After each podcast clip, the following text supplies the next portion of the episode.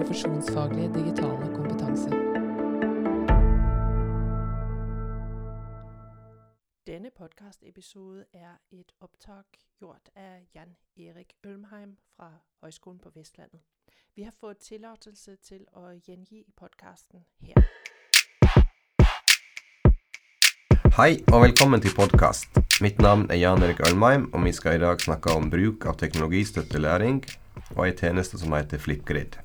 Gjesten i denne podkasten heter Terje Pedersen. Terje jobber som lærer på Rotthaugen skole i Bergen. Velkommen til deg, Terje. Takk for det.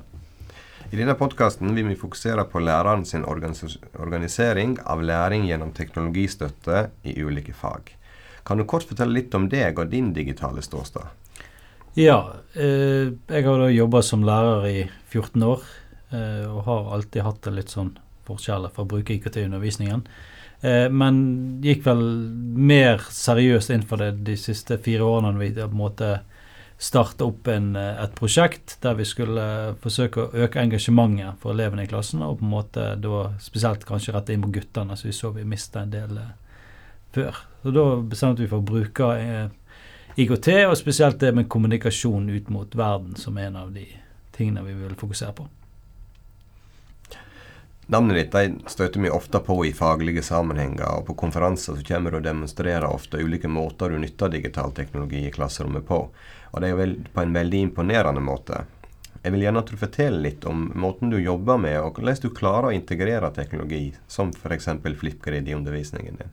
Ja, jeg tar jo alltid utgangspunktet i eh, kompetansemålene. Det er det som er utgangspunktet for tingene vi underviser i. Nå underviser jeg òg i engelsk og samfunnsfag, eh, der du kan bruke veldig mye dagsaktuelle hendelser inn i, i klasserommet. Eh, så det vi gjør er på en måte når vi har bestemt et tema, så ser jeg på en måte på hva verktøy som kan brukes da inn for å skape et engasjement i klasserommet, men òg det at de skal få inn en stemme utenfra. At tidsvitner eller eksperter eller folk som har opplevd situasjoner som eh, da gjenspeiler temaet vi har om. Eh, så da har vi brukt forskjellige verktøy der, om det, det, det er Facebook med eksperter, eller om det er Flipgrid der vi kontakter da skoleklasser rundt om i verden.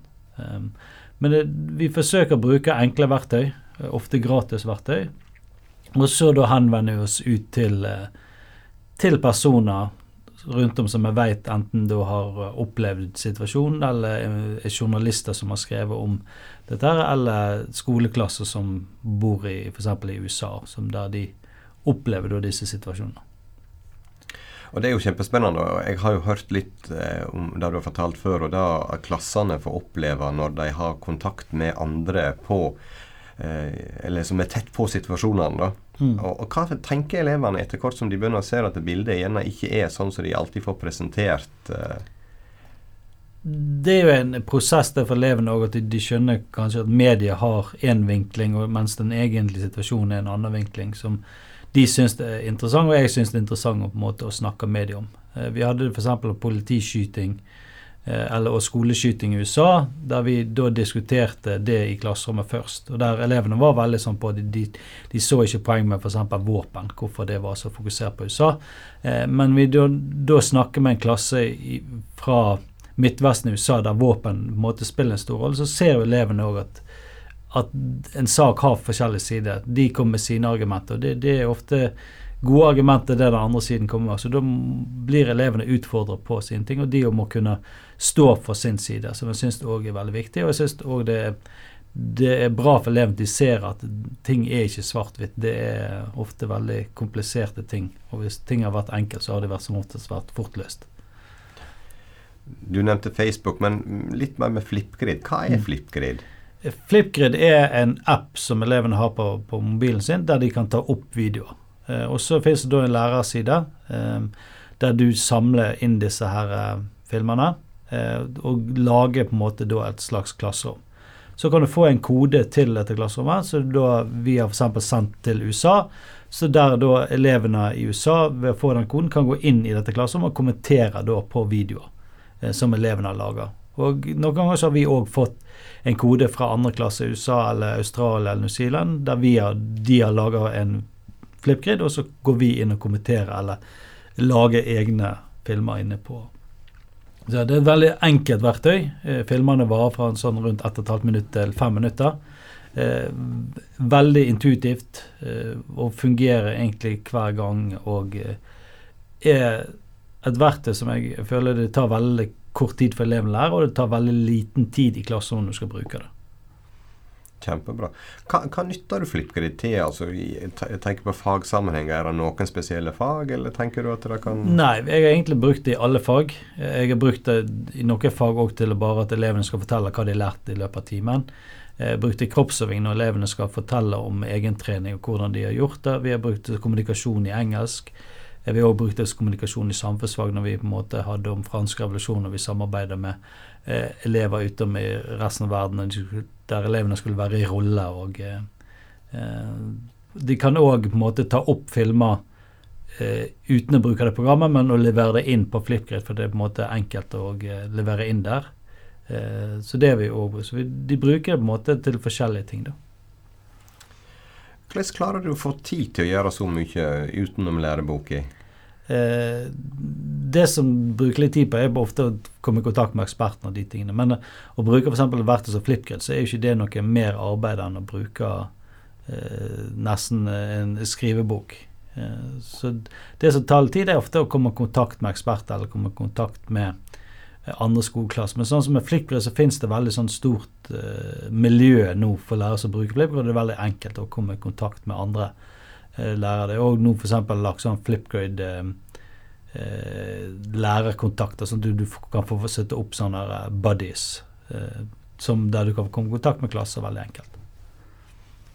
Du sa at du hadde fokus på gratisverktøy osv. Hvor finner du alle disse verktøyene etter hvert som du jobber? Er det YouTube, er det Google, eller er det Det er mye Twitter og, og eller lærergrupper på Facebook. Eh, Facebook har veldig mange grupper nå der det, du får eh, kontinuerlig tips. Eh, Twitter er det samme der jeg på en måte får jeg har en kontaktgruppe med lærere som jeg følger eller på en måte samtaler med, og der det kommer opp sånne tips om, eh, om disse verktøyene.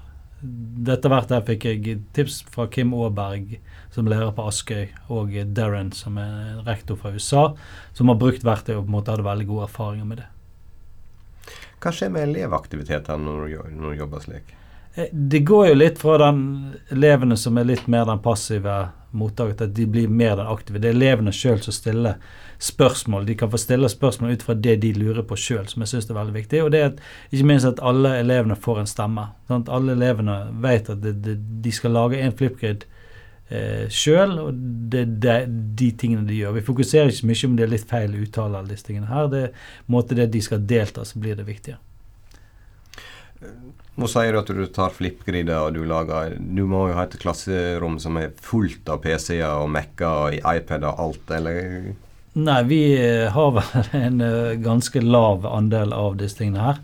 Eh, jeg er litt misunnelig når jeg hører på de som er én til én, for det, vi ligger langt vekk fra det. Men vi bruker, eleven bruker sin, sin egen mobiltelefon, altså har vi nok eh, til at vi kan dekke inn for de som eventuelt ikke har, eller mobilen ikke fungerer. og disse tingene her. Men vi har eh, ikke mye utstyr i klasserommet vårt.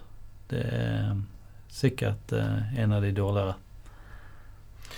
Men sier lærerne som sitter og hører noe på podkasten tenker åh, nå skal jeg komme i gang med flippgrida. Har du noen tips? Hvordan skal de komme i gang? Eh, opprett først en lærerkonto. Det er gratis eh, for den enkleste versjonen.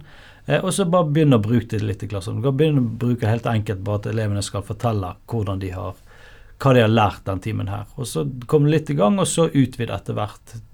Måte bli litt trygg på verktøy, og så på en måte utvide du det. Og det, det finnes det Eh, utrolig mye du kan gjøre. Det er et veldig enkelt verktøy for å komme i kontakt, f.eks. hvis du har lyst til å komme i kontakt med skoler rundt om i verden. I neste podkast skal vi snakke litt med elevene dine, og hva tanker de gjør seg med å jobbe på denne måten.